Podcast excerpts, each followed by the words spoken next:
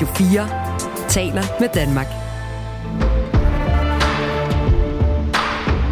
Velkommen til Verden kalder. Alberte, hvad siger du, hvis jeg siger 20 flasker vodka? Så siger jeg Lambrusco. det er fuldstændig rigtigt svar. Silvio Berlusconi, den øh, gode gamle italienske politiker, han fyldte 86 i september, og i en lækket lydoptagelse, der fortæller han så angiveligt, at han fik et sødt brev og 20 flasker russisk vodka i fødselsdagsgave af sin gode ven Vladimir Putin. Og han skulle så angiveligt have sendt noget god Lambrusco tilbage til Moskva. Til synligheden. Det, øh, det har aldrig været kedeligt at beskæftige sig med italiensk politik. Slet ikke, når det har med Berlusconi at gøre. Men i år der er der faktisk en anden politiker på den italienske højrefløj, der har stjålet rampelyset totalt. Det er Italiens første kvindelige premierminister, Giorgia Meloni. Hun kommer fra partiet Italiens Brødre på den yderste højrefløj, som er aftageren fra det fascistiske parti i Italien. Og både i støvlelandet og i resten af Europa har der været dyb bekymring over, hvad det yderste højre må kunne finde på, når de kom til magten. Men nu har Meloni været premierminister i to måneder, og spørgsmålet er, om hun i virkeligheden er den rette mand for Italien. Du lytter til Radio 4. Jeg hedder Mads Anneberg, jeg er Europakorrespondent for Radio 4, og jeg har fornøjelsen af at være vært på to programmer her mellem jul og nytår, hvor det skal handle om Europa. Det har været et rimelig vanvittigt år på vores kontinent, og ikke kun på grund af krigen i Ukraine. I øh, de her programmer, der kaster vi os over to andre europæiske lande, som har oplevet historiske forandringer i årets løb. To sværvægter i Europa, nemlig Italien og Storbritannien. Og det er Italien, det skal handle om i dag. Det er jo i og for sig altid et vildt år i italiensk politik, men det er alligevel som om, at i år på en måde har været ud over det sædvanlige. Og derfor har jeg inviteret dig i studiet, Alberte Bové Rud. Velkommen til. Tak skal du have. Du er Ph.D. på Dansk Institut for Internationale Studier, hvor du har specialiseret dig i den italienske højrefløj netop. Men Alberte, du har jo ikke bare forsket og skrevet kloge ting om Italien. Du har også haft hænderne nede i materien, kan jeg forstå. Øh, jeg ved for eksempel, at du har arbejdet som øh, bartender i Italien, da du var yngre. Ja, øh, ligesom hele vejen ind i, i italienske sprog for mig. Det kom netop som, øh, som øh, bartender i Rom. Øh, og har lært Italien at kende, og italienerne at kende på den måde.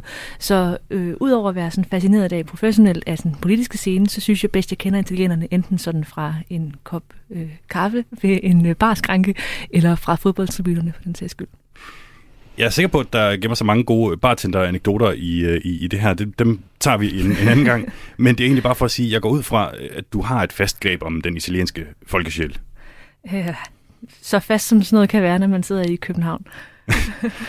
jeg tænker bare, Italien er jo fedt på rigtig mange måder. Mm. Det ved du øh, udmærket selv. Men det er som om, at når det kommer til politik, så er vi blevet vant til at høre om italienerne som nogen, der har en regeringskrise, eller har høj gæld, eller har fået en ny teknokratregering, eller har sat deres lid til en flamboyant mange milliardær. Mm. Hvad er det, der er med italienere og politik?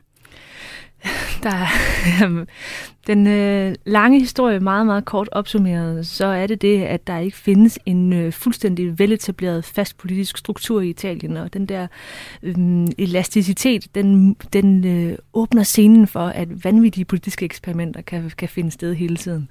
Øh, det er en meget, meget forsimplet historie, men der er alligevel en, en, en stor sandhed i, at der ikke ligesom er vante magtpartier, vante magtformer, øh, øh, vante regeringschefer. Det er øh, et virvar af politisk tumult.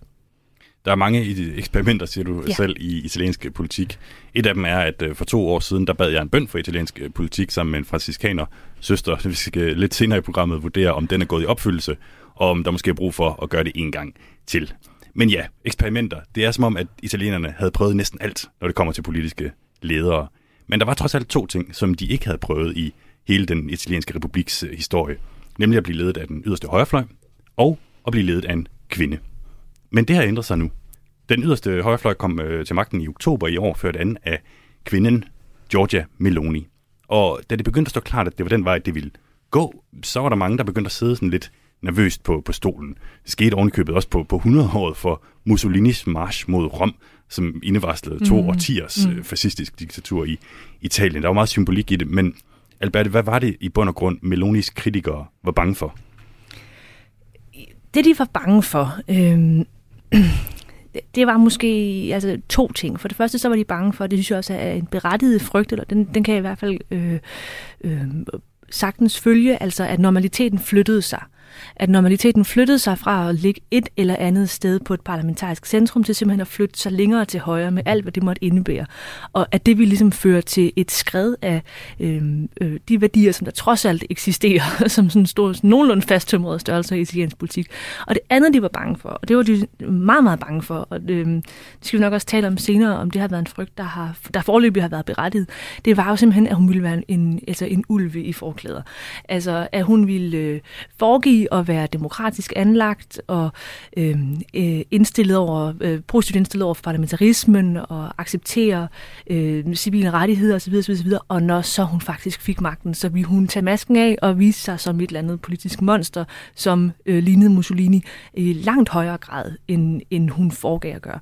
Øh, fordi det er jo helt rigtigt, at der er en historisk og en symbolsk øh, vigtig pointe i at sige, at der er nogle fascistiske rødder. Dem altså pointerer hun også selv, så det er ikke noget, som vi sådan, som, som udenfrastående skal afdække, fordi øh, øh, de ikke selv er klar over det. Men, men hun har også i de senere år i særdeleshed forsøgt at lægge det øh, bag sig, eller i hvert fald distancere sig til det. Men det, som hendes kritikere så har været bange for, det har været, at, at den afstandtagen har været altså, øh, øh, utroværdig, eller sågar sådan øh, en, altså en, en facade, hun satte op. Ikke? Så frygten har været at, at få en, en ulv i, i forklæderen. Hvordan er det så rent faktisk gået? Jamen, øh, vi snakkede også om det forleden, at det, man kan næsten have den følelse, altså at hvis man gik med, øh, med forventningen om, at i det øjeblik, hun satte sig i premierministerembedet, så viste hun virkelig, hvad hun var for en antidemokratisk størrelse. At det så næsten er det modsatte, der er sket. Altså, at det har vist sig, at hun, øh, altså, at det, hendes dårlige rygte er kommet forud for hende selv, og hun slet ikke har været så slem. Altså, at hun nærmest har været en, et får i ulveklæder. Altså sådan, at hun er blevet budt velkommen på en måde, hvor man forventede det aller, aller værste, så har hun faktisk vist sig ikke at forårsage forløb i hvert fald så stor skvulp i den der demokratiske pulje, som man kunne have øh, frygtet. Et får i ulveklæder. Ja. et nyt begreb i italiensk øh, politik. Øhm, er hun en dygtig premierminister, Meloni, sådan objektivt set? Så objektiv, altså hvad er det for nogle objektive parametre, vi skal snakke om? Hvis vi snakker om i en italiensk sammenhæng, er det altid meget, meget interessant at finde ud af, hvor, øh, øh, hvor handlingsdygtig man er, og hvor stabil man er. Altså det er sådan ret, nogle ret gode parametre for, hvor dygtig en premierminister man er i Italien, fordi, øh, som du også var inde på tidligere, altså knap nok er man blevet indsværget som premierminister eller som regering, før alle, alle kriserne begynder at lure, og før det ligesom begynder at blive åbenlyst, at, øh, at man før eller siden kan vælte. Øh, og på de to punkter, altså hvor handlingsdygtig og hvor handlingskraftig hun er, øh, og hvor stabil hun forløbig er, der må man sige, der har hun udmærket sig ret positivt. Altså valgresultatet har givet hende en mulighed for faktisk at føre en regering. Det er altså ikke en selvfølgelig italiensk politik. Hun har faktisk fået et flertal bag sig. Hun har faktisk et regeringsprogram, og ja, der er huller, og ja, der er konflikter i det der regeringsprogram, men det ser meget bedre ud, end det typisk gør for italienske premierminister og for italienske regeringer. Og i forhold til stabilitet, så lader det også til, at hendes øh, største sådan øh, hovedpiner lige nu, det faktisk er internt i regeringen. Altså det vil sige, at hun har faktisk nogle ret gode, nogle ret gode muligheder, igen sammenholdt med, hvordan det typisk plejer at være, for at kunne sidde, hvis ikke embedsperioden ud, så i hvert fald længere tid end de, de sædvanlige italienske regeringer. Du følger italiensk politik tæt. Er du blevet overrasket over den øh, sådan rolige måde, hun er gået ind i embedet på? Jeg ved ikke om...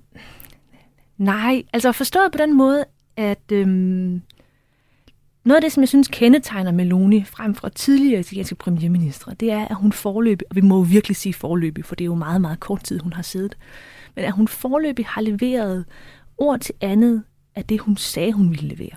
Altså det vil sige, at hun faktisk har indfriet ikke bare de konkrete løfter, men også den retorik og den vej, som hun sagde, hun ville gå. Der har været sådan en fuldstændig konkurrence mellem de to ting. Og det kan man selvfølgelig godt være overrasket øh, over, hvor trist det end er, altså at der faktisk er politikere, der leverer det, de lover. Men ikke desto mindre, så er det jo det, hun har gjort. Altså hun har... Øh, hun har taget de konflikter med sine kritikere og med sine øh, øh, altså med, med, med, med sine fjender i EU-regi, som hun sagde, hun ville tage, og så har hun, havde lavet, og så har hun lavet være på de punkter, hvor hun sagde, hun ikke ville gøre det. Så på den måde, så har hun sådan set fuldt sin egen drejebog, og så er spørgsmålet, hvor meget vi kan, vi kan tillade os at være overrasket over det. Ikke? Du sagde også, at hun, var, hun havde øh, taget sit premierministertøj på nærmest. Ja, altså det var måske en lille overraskelse, kan man sige. Altså i det øjeblik, hun blev premierminister, så klædte hun sig ud som premierminister. Øhm, så tog hun øh, øh, jakkesæt på, som lignede alle hendes mandlige kolleger i øvrigt, altså til trods for, at hun er den første kvindelige premierminister. Øh, jakkesæt på, øh, hun tog øh, sine stiletter af og tog sådan nogle øh, klassiske italienske øh, herresko på, håndlavet selvfølgelig. Øh, hvid skjorte. Øh, hun klædte sig ud som premierminister, klædte sig ud som mand i en eller anden forstand. Og, sådan, og det har selvfølgelig været en lille smule overraskende. Altså, altså at hun har påtaget sig det der premierminister embede øh, så sådan bogstaveligt. Okay. Men hvis vi har med at gøre en Giorgia Meloni, som er måske lidt mere mainstream, end man kunne have, forventet, mere øh, forsonlig, har hun så et forklaringsproblem over for sine vælgere, som nogle af dem i hvert fald har stemt på hende, fordi at, at de vil have forandring med, med stort F. Ja, men det er jo lige præcis det, hun på en eller anden øh, måde ikke har. Fordi øh, hun har indvarslet forandring, og indvarsler også forandring alene det, hun er kvinde. Hun er også ret ung. Altså hun er, hun er langt under gennemsnitsalderen for italienske premierminister, til trods for, at hun er i midten af 40'erne. Øh, alligevel så var hun meget tydelig i sin kampagne og i, i, sin, i, sin, i, sin, i sin karriere i det hele taget i de sidste par år omkring, hvor kan det betale sig at tage de her kampe, og hvor kan det ikke betale sig at tage de her kampe. Så hendes, hendes bagland og hendes vælgergruppe, de ved godt, hvad det er for en forandring, de har i vente. Altså de ved godt, at det her det kommer ikke til at blive øh, et, øh, en, en udmelding, en italiensk udmelding af EU-medlemskab for eksempel. Det er de godt klar over. Den er taget af bordet. Derfor så har hun ikke lovet dem noget, som, som de nu ligesom sådan, øh, øh, står i kø for at få indfriet. Men, men har man læst noget ind i hende? Måske som vælger? Jeg tror, det man har læst ind i, øh, i hende som vælger, det er faktisk øh, måske mest af alt har været på det her meget abstrakte niveau, den her meget abstrakte forandring. Øh, så måske, øh, for at vende tilbage til det, vi talte om før, om hendes kritikers frygt for, at centrum bliver rykket, at det i virkeligheden måske også er det, som hendes vælgergrupper har ønsket. Altså en, en aftabuisering af nogle værdier, som tidligere har været tabubelagt i italiensk politik. En aftabuisering af en måde at udtrykke sig på. En, en, en mere sådan bramfri tone over for eksempelvis migranter og over for øh, øh, Øh, dem, som ikke vil kernefamilien, eller dem, som de betragter som trusler mod kernefamilien. Øhm, og, det og, altså, og det var virkelig tydeligt i hendes kampagne, at det fyldte noget for hende. Hun talte flere gange om, at sådan, når, når vi først får magten, så kan vi sige, hvad, hvad vi vil. Så skal vi ikke være bange for at blive fyret, og så skal vi ikke være bange for social udstødelse og sådan noget. Og man tænker sådan, hvad, hvad er det dog, du refererer til? Øhm, og på den måde, så har hun ligesom indvarslet en forandring på det her mere sådan symbolske niveau, som ikke nødvendigvis behøver at tage reel lovgivning i hånden, men hvor alene det, at hun og hendes ministerhold taler på en anden måde, øh, udtrykker sig på en anden måde, øh, det kan være med til at flytte nogle ting i befolkningen også. Du lytter til Verden kalder på Radio 4. Så din teori er altså, at hun ikke har et forklaringsproblem over for sine vælgere. Lad os øh, prøve at se, om den teori holder. Ja. Italien gik til valg i øh, september, var det, og inden da, så talte jeg med en af de italienere, som netop mente, at Meloni var det, som Italien havde brug for.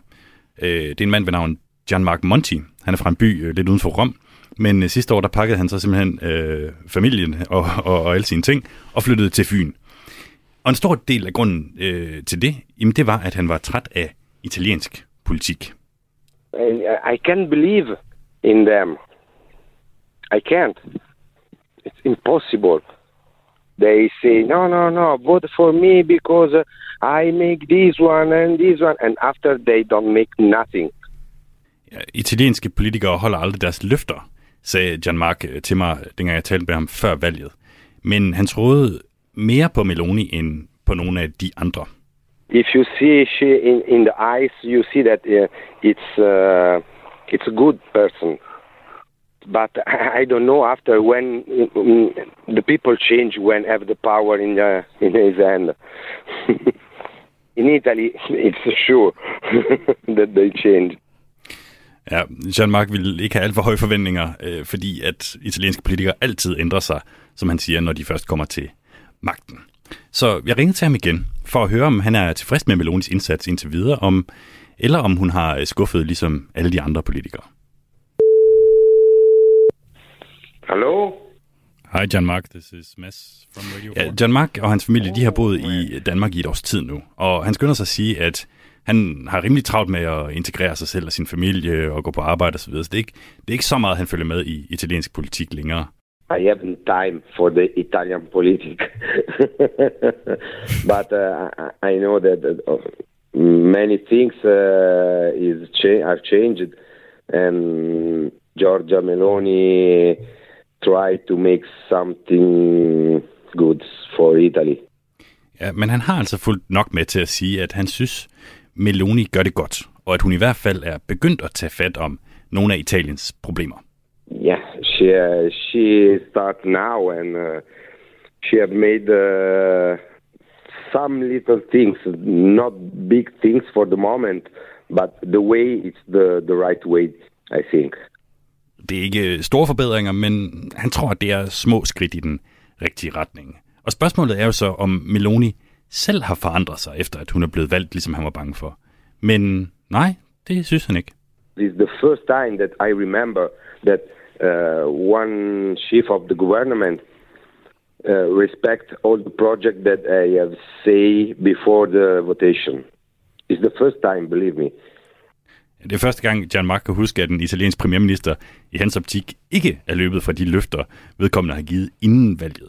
Og han nævner som eksempel, at hun har lempet coronarestriktionerne, ligesom hun sagde, hun ville gøre, og ikke mindst hendes håndtering af migranter, hvor hun har insisteret på, at andre lande i Europa også skal løfte deres del af ansvaret.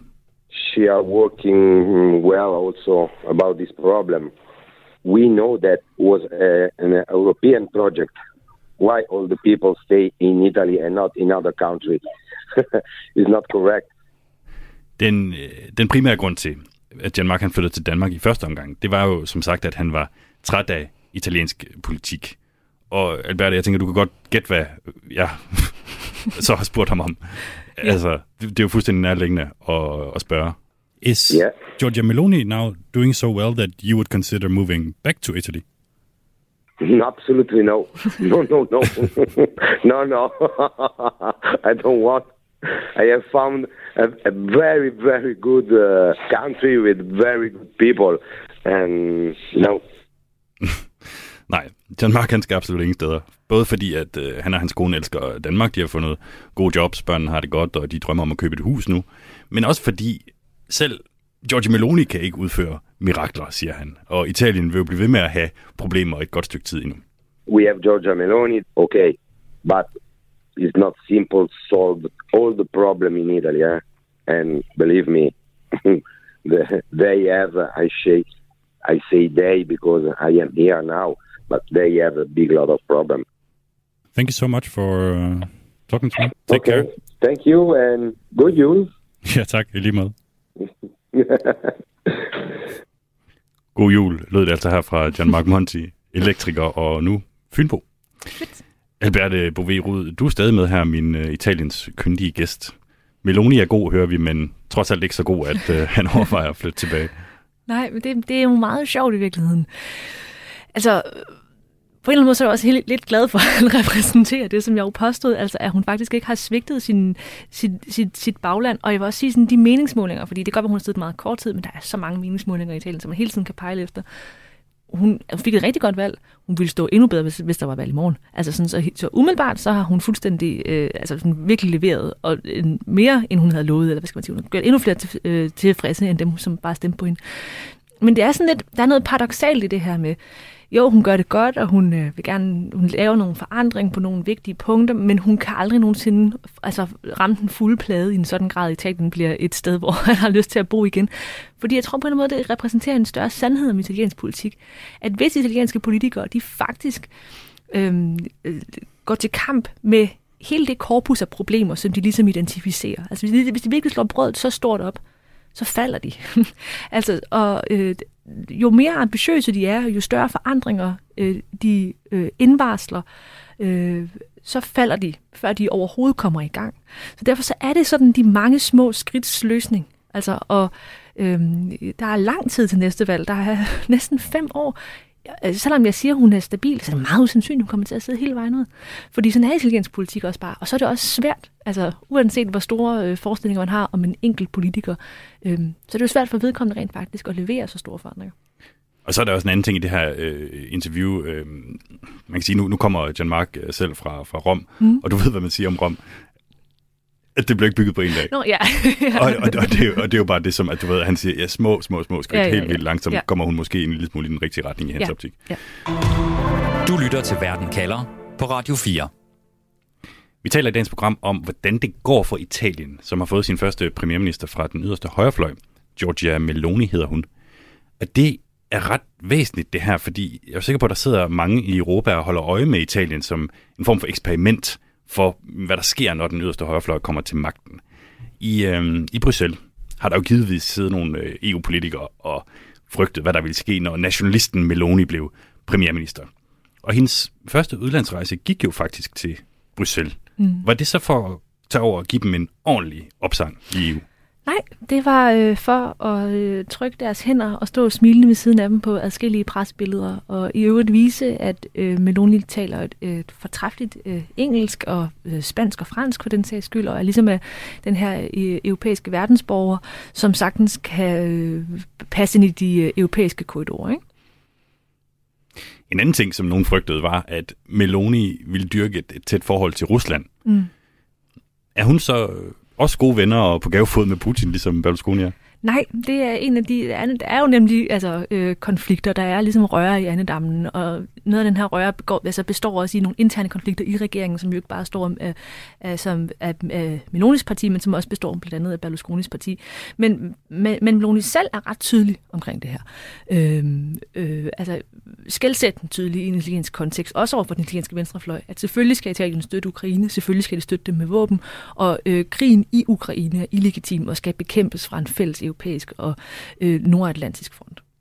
Så det er jo det, som, som vi har været inde på også. Altså, hun er ikke så kontroversiel, som mange havde frygtet. Var den her frygt for Meloni overdrevet? Altså forløbig, hvis vi sådan skal kigge på konkrete lovforslag og konkrete øh, sådan tiltag fra hendes regerings side, så vil jeg sige ja. Altså så, så, så var det jo ikke den her demokratiske omstyrtning eller den her fascistiske glidebane, man trådte ind på. De har siddet i et par måneder, så jeg vil altså også altså, øh, gerne øh, helgardere mig og sige, lad os nu lige tales videre om et par år igen. Men øh, der har været noget forandrende i hende, som vi har snakket om flere gange. Det der med, at hun ligesom sådan har ændret sin sprogbrug, hun har ændret, hvad der er okay at sige om migranter eksempelvis, og om øh, den fascistiske fortid, og om LGBT plus personer eksempelvis. Men, men konkret, i de egentlige lovforslag, så er det ikke skældsættende. Noget af det mest skældsættende, hun har foretaget sig, altså min regering har foretaget sig, det er den her lukning af de italienske havne, så NGO-skib ikke kan ligge til, når de samler migranter op i Middelhavet. Og det er kontroversielt, men det er gjort før. Og der er formentlig også rigtig mange andre europæiske regeringer, som vil gøre det samme, hvis de lige havde den geografiske placering, som Italien har.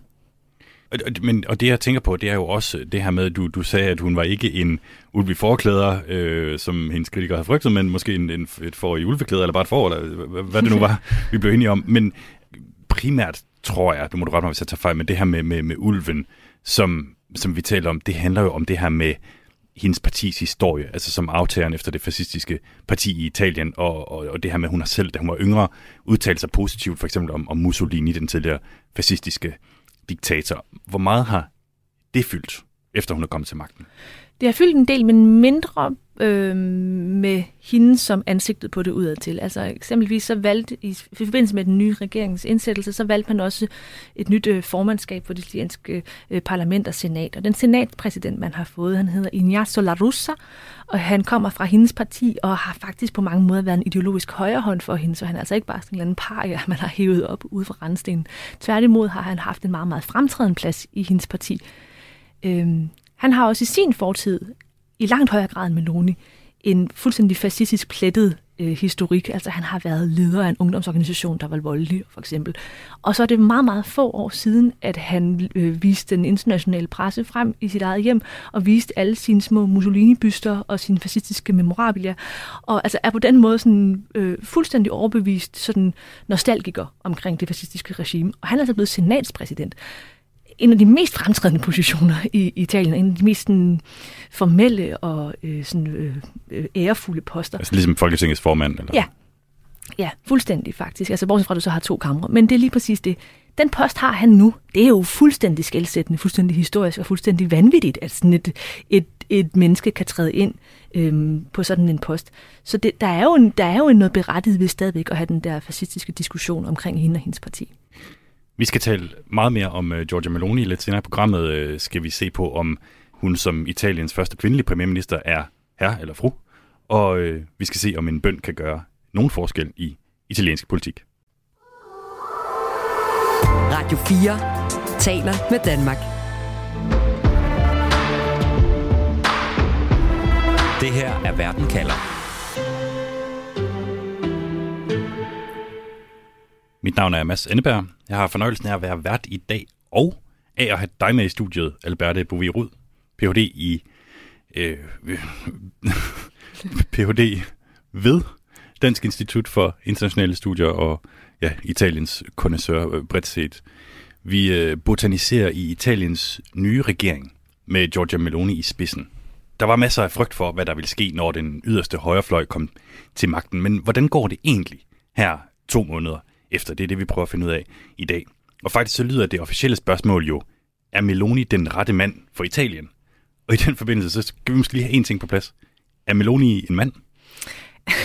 Nej, hun er en kvinde. Hun har et barn og har berettet om øh, facilitetsproblemer og hvordan det er øh, svært, når ens livmor ikke fungerer og sådan noget. Som hun er efter alt at dømme og efter hendes egen meget, meget binære kønsopfattelse en kvinde.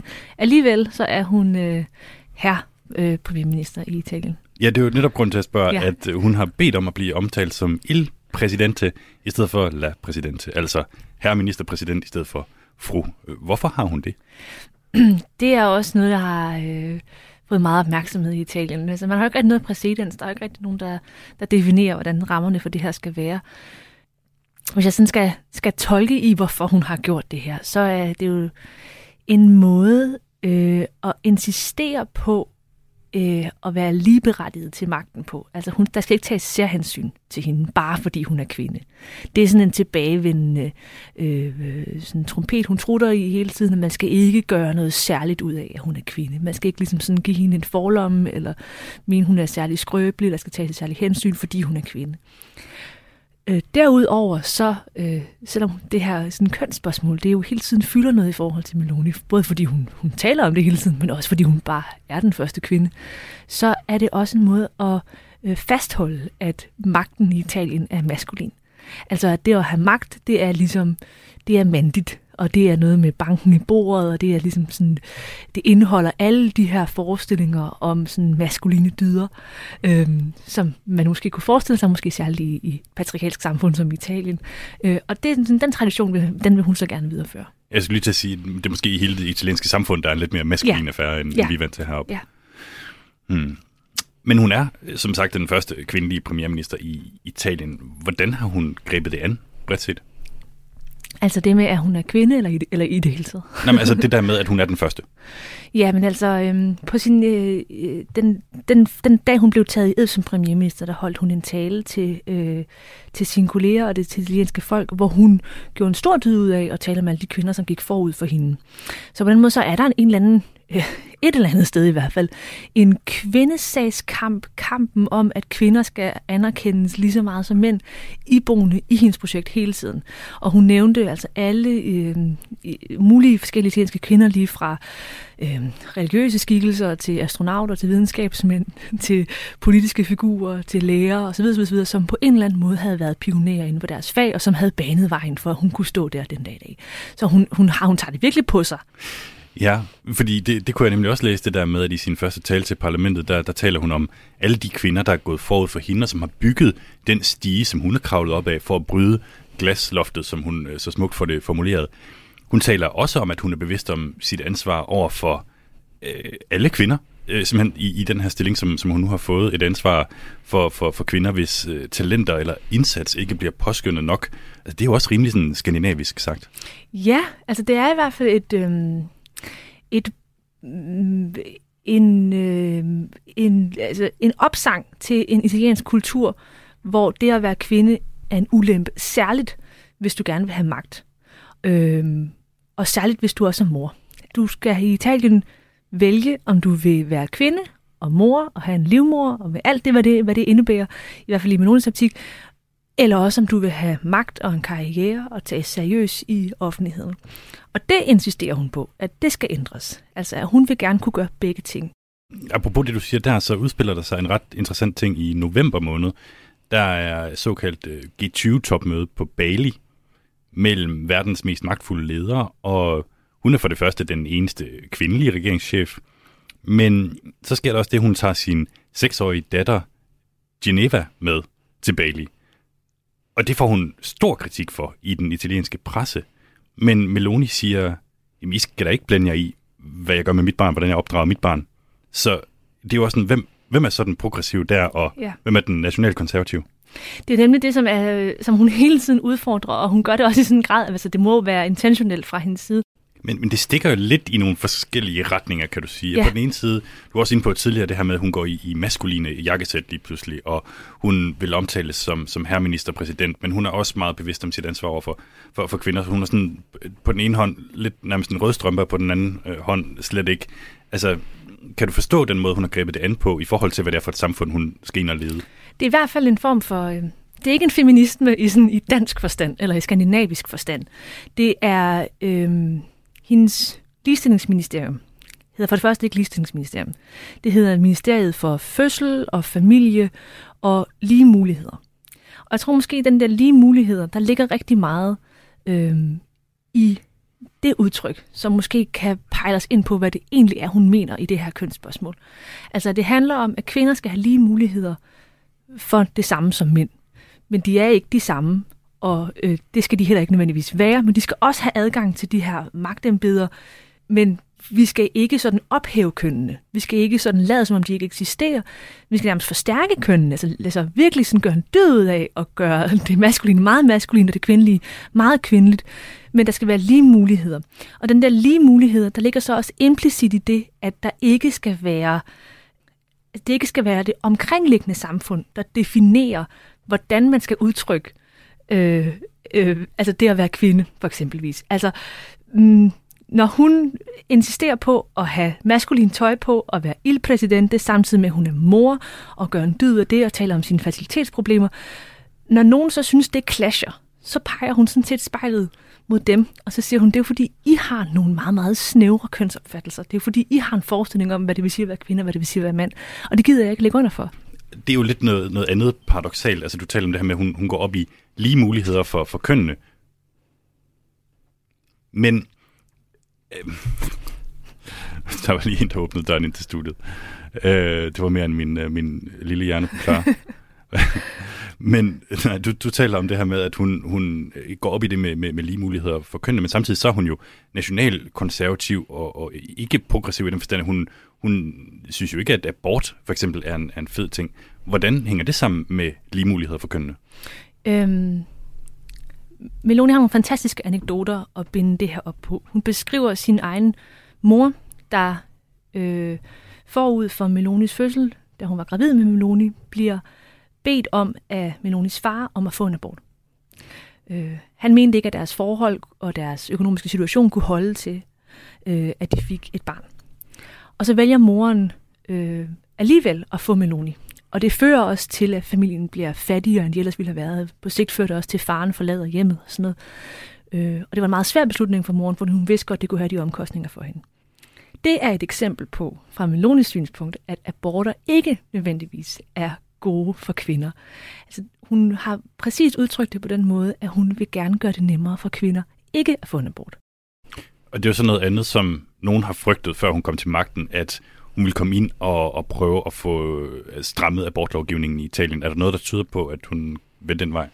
Hun er godt klar over, at i det øjeblik, hun taler om fødselsrater, i det øjeblik, hun taler om abort og sådan noget, så har hun øh, alle sine kritikers opmærksomhed i både ind- og udland. Øh, så det har hun forløbig ventet med. Men altså, når hun netop har øh, øh opfundet det her ministerium, sammensat det her ministerium, som blandt andet indeholder navnet fødsler, så står det et eller andet sted i regeringsprogrammet, at man skal kigge på det på et tidspunkt. Men jeg tror altså som sagt ikke, at man skal frygte øhm, en fuldstændig ophævelse af den frie abort i Italien. Det er ikke sikkert, at hun øhm, lader det være lovgivningsmæssigt, hvor det er lige nu. Altså, jeg tror, der er en meget stor sandsynlighed for, at hun vil besværligt gøre det at få en abort. Så hun vil lægge øh, sådan, øh, forhindringer i vejen. Udover de her gulerødder, som vi snakker om, så vil hun lægge forhindringer i vejen for faktisk at få en abort. Og på den måde jo også altså rent øh, de facto øh, pille ved de her civile rettigheder, som man er rigtig bange for, at hun piller ved. Du lytter til Radio 4. Albert, vi iler videre. Vi skal over i det spirituelle univers. Du øh, lytter til Verden kalder på Radio 4, hvor vi i dag taler om det, der for en gang skyld ikke er en regeringskrise i Italien, men derimod en ny regering, og så ovenikøbet med en folkevalgt premierminister.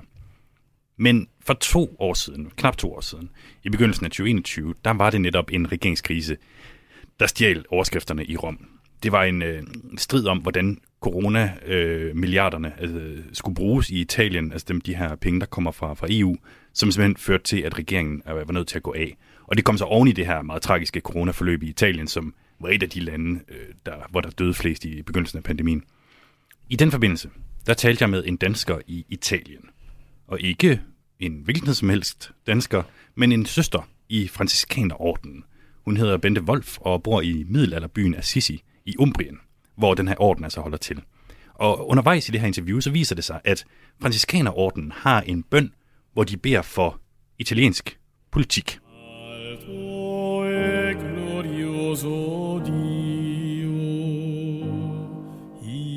Jeg tænkte på, om vi skulle prøve at bede den sammen.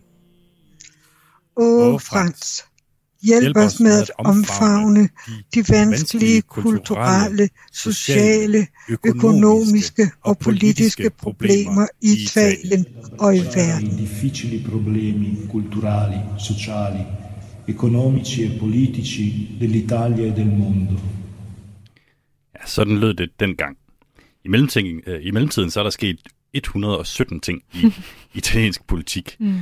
Der var øh, teknokrat premierminister Mario Draghi, som fik sat gang i de store genopretningstilskud fra EU, men som så trak sig efter at have mistet opbakningen fra et par af de italienske partier i parlamentet.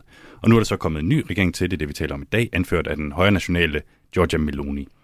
Og så var det jo nærliggende lige at ringe til Bente en gang til for at få samlet op. Jeg skal lige undskylde på forhånd øh, for lyden. Det lyder lidt som om, jeg sidder nede i en spand, men det gør jeg ikke. Bente, det er næsten to år siden, at øh, vi snakkede sammen sidst og bad en bøn for Italien. Ja. Har, har Italien det bedre, end sidst vi talte sammen? På nogle måder vil jeg da bestemt sige, at Italien har det bedre, for vi er som de fleste andre verden, lande i verden kommet ud af den store pandemi og øh, oplever jo ikke det enorme pres og den meget lidelse af den øh, sygdom, som kostede så mange liv i Italien. Så på spørgsmålet om Italien har det bedre end, end sidst vi talte sammen, så er svaret ifølge dig ja, bare fordi at corona ikke længere Ja, er altså det her. ubetinget ja, ja. Ubetinget ja på grund af epidemiens ophør, at vi er på den anden side. Vi kan se fremad. Vi, øh, vi bad jo, øh, du og jeg, for de vanskelige sociale, økonomiske og politiske problemer i Italien. Hjælp vores bøn. Ja, øh, det synes jeg da, for jeg har haft en periode med, med stor stabilitet under øh, Mario Draghi, og med øh, nogle vigtige reformer, som bragte Italien i stand til at modtage de store hjælpepakker fra EU. Og han var meget øh, respekteret og afholdt, er det stadigvæk. Og da han opgav og kastede håndklædet i ringen og ønskede at trække sig her tidligere i år, der var der rigtig mange i Italien, der gerne ville have ham, set ham fortsætte.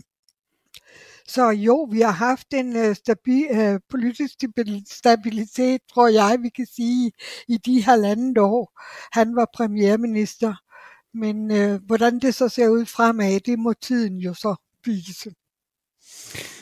Ja, for nu er Mario Draghi øh, jo fortid, som du selv siger, og øh, nu er der så kommet en, en ny leder til Giorgia Meloni. Ja. Tror du, er der nogen grund til, at, at vi skal gentage vores bøn, eller, eller tror du, at øh, det hele løser sig på en måde af sig selv? Ja, jeg tror bestemt, vi skal blive ved med at bede. Øhm, det, vi, vi ved jo ikke rigtig nu, hvad vej det bærer. Vi er der mange, der er bekymrede i forhold til øhm, altså det hendes partis øh, historie. Og også valgkampen var jo da meget hård og konfronterende. Men, men øh, det er jo lidt for tidligt, synes jeg, at, at, at, at dømme eller vurdere, hvordan det kommer til at gå. Øh, jeg håber, altså umiddelbart, så det, det jeg sådan har fanget er en lidt mere forsonende tone fra Meloni i forhold til EU. Så vi kan da nære et håb, men øh, også være opmærksom på, at grundlæggende er jeg da ikke enig i, i mange af de synspunkter, som øh, Italiens brødre står for. Er du optimistisk på Italiens vegne? Ja, det er jeg. Øh, jeg tror, at vi vil, vi vil stadigvæk opleve stor politisk turbulens, tror jeg. Fordi det er en befolkning, der er meget emotionel. Så der vil stadigvæk være en masse røg, tror jeg, men jeg er optimistisk grundlæggende. Skal vi, skal vi tage bønden en gang til, bare for en sikkerheds skyld? Hvad, om vi skal tage bønden? Ja, lad os. Jeg har den her. Åh, oh, Frans. Francesco, aiutaci ad abbracciare i Hjælp os med at omfavne de vanskelige kulturelle, sociale, økonomiske og politiske problemer i Italien og i verden. economici e politici dell'Italia e del mondo. Amen.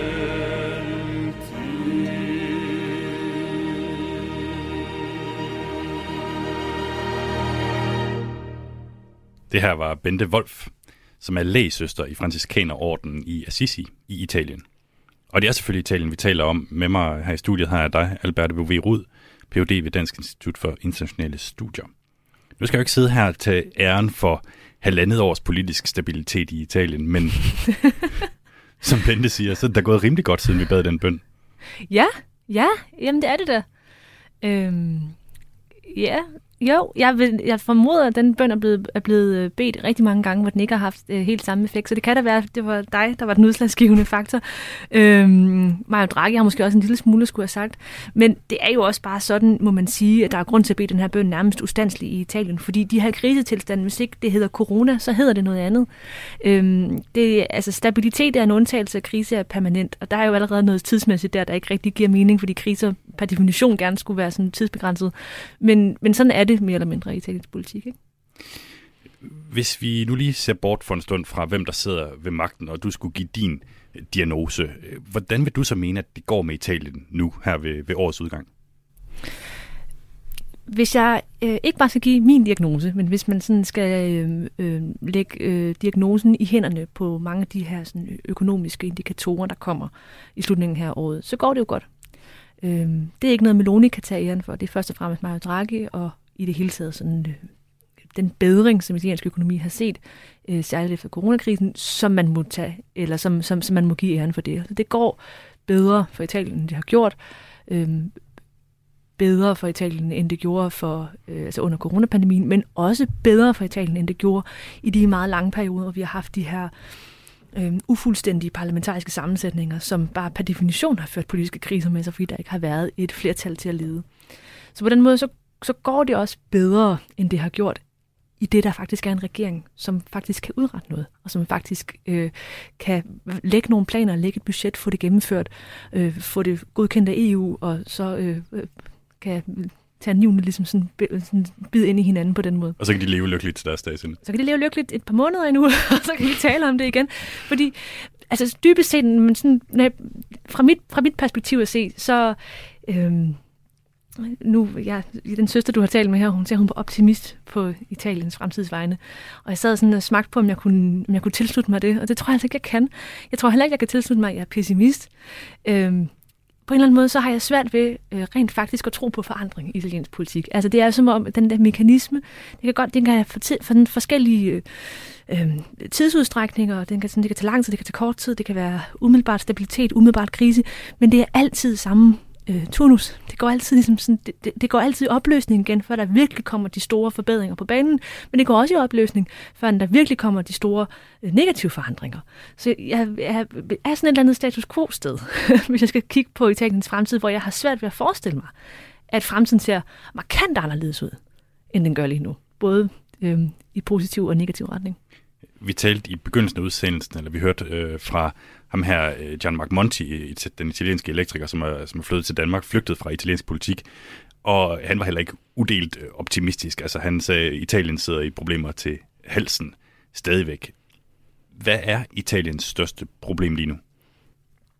Ja, øhm, Italiens største problem er, at Italien sidder i problemer til halsen. Altså det er, at man, at man der er simpelthen problemer, der er så store og så uoverstigelige, at man ikke kan bryde ud af dem. Man kan heller ikke bare fokusere på et problem frem for det andet.